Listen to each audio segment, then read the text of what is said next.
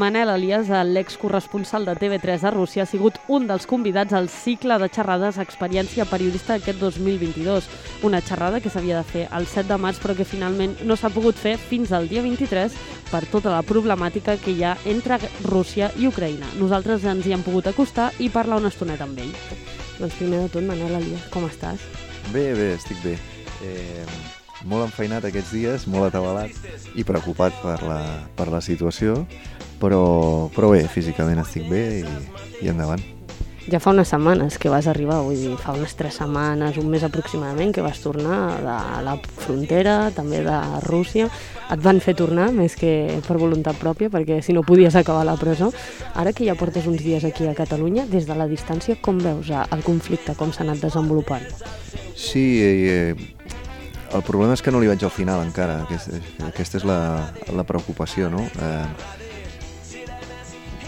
no, no, des de la distància es veu tot diferent i clar, em falta molta informació perquè eh, una de les coses que està passant és que tant a Rússia eh, els, mitjans, els pocs mitjans independents que hi havia eh, els estan perseguint cada vegada més o tancant, etc. I a Ucraïna eh, hi ha ciutats encerclades, etc, on els periodistes estan marxant perquè ja no, ja no poden fer-hi res més. No? Aleshores, cada vegada és més complicat tenir informació fiable i, i això és un element més de, de preocupació.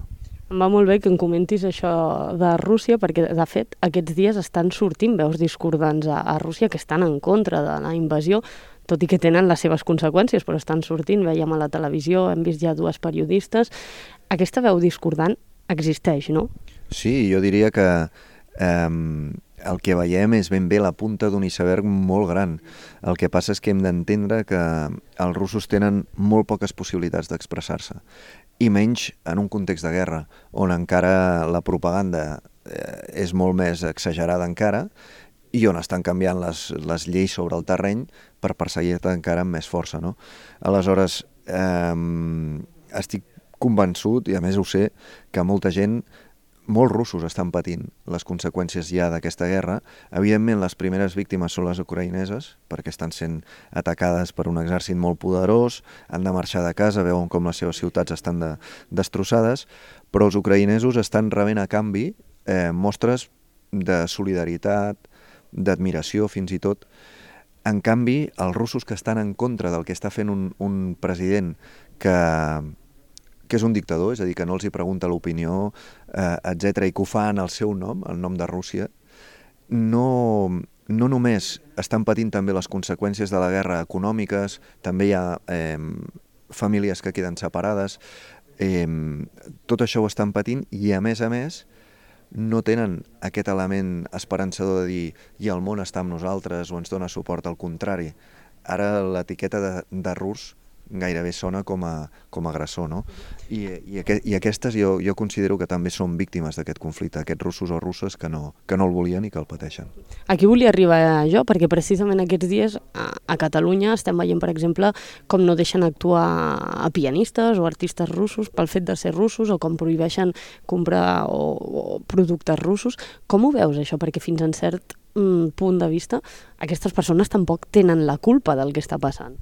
Clar, jo, jo veig que el primer és diferenciar clarament, i això en general, i crec que el periodisme hi contribueix molt poc i no és tan difícil, a diferenciar entre el govern d'un lloc, el president, eh, es pot fins i tot utilitzar una paraula molt curta que és Kremlin, o sigui que no has ni d'estalviar gaires paraules, sinó dir el Kremlin, i una altra cosa són els russos.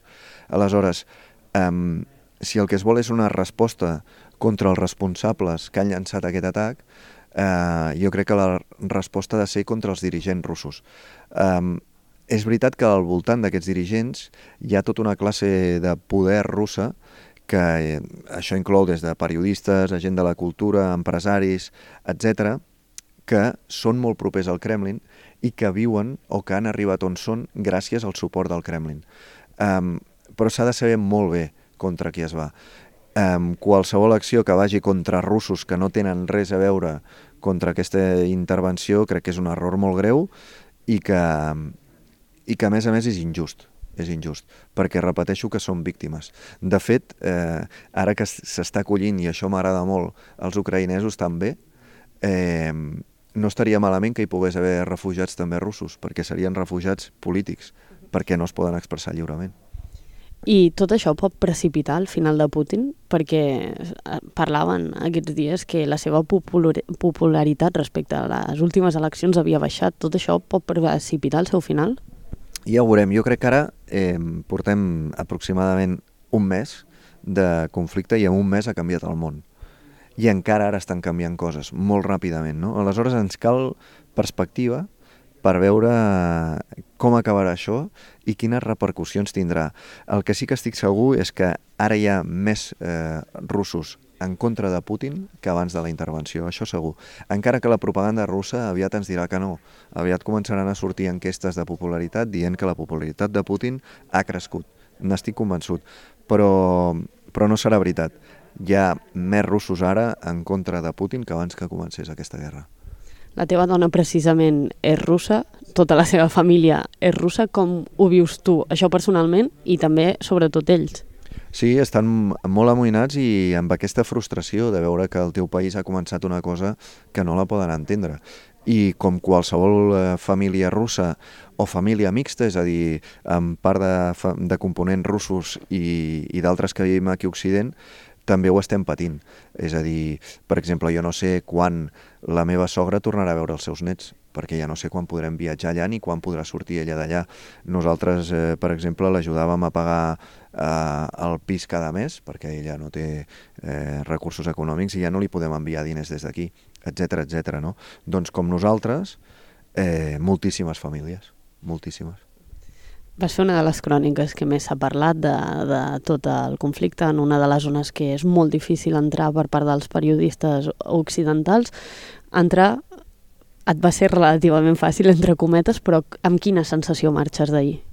Sí, no, a veure, en, en, entrar, entrar va ser molt complicat. De fet, vaig entrar per casualitats, moltes casualitats. Jo, eh, primera, que només hi pots entrar des de Rússia. Si tu ara vols anar a cobrir el conflicte a Ucraïna, i pots anar demà mateix i arribes fins a Kiev, i arribaries. En canvi, no pots treballar des de Rússia sense acreditació, que es triga molt a aconseguir. Jo ja la tenia perquè era corresponsial allà. Prèviament, com que havia intuït que hi podia haver conflicte al sud, no m'imaginava un atac a Kiev com el que hi ha hagut, però eh, sí que intuïa un conflicte i ja havia demanat acreditació per estar també a la zona de Donetsk, eh, etc. I encara va haver-hi més, més eh, casualitats que em van permetre estar dins. De fet, era potser un dels tres o quatre periodistes occidentals que hi havia cobrint la, la guerra des d'allà. No? Eh, va ser complicat entrar-hi. Sortir-ne encara és més complicat, perquè eh, marxes sabent que allò segueix i que la gent eh, ho, conti ho continuarà patint i que ja no hi ets ni per explicar-ho. O sigui que és una sensació fotuda, és una sensació fotuda. I ja per acabar, et va costar tornar a Catalunya ara aquest cop? Sí, perquè eh, jo ja havia tornat, ja havia tancat la meva etapa a Rússia i la meva idea era viure molt més tranquil, deixar una mica la feina en segon pla i dedicar més temps a la meva família, a viure la vida. I clar, això ens ho ha trencat tot i, i això fa que no em senti bé ni quan vaig allà, perquè no era el pla que tenia, el meu pla ja era dedicar-me a la família i estar tranquils aquí, però tampoc em sento bé estant aquí sabent que allà ja, ja estan passant tantes coses. No? Per tant, ara estic en una situació una mica, una mica incòmoda, però bueno, hauré d'acostumar el meu cap a, a superar-la. Esperem que puguis acostumar el teu cap. Suposo que és una feina també molt, molt difícil. Moltes gràcies per atendre'ns. Gràcies, sí. Esperem que això acabi aviat i en pau. Eh, com, com, com més pau hi ha al món, més tranquil estarem tots.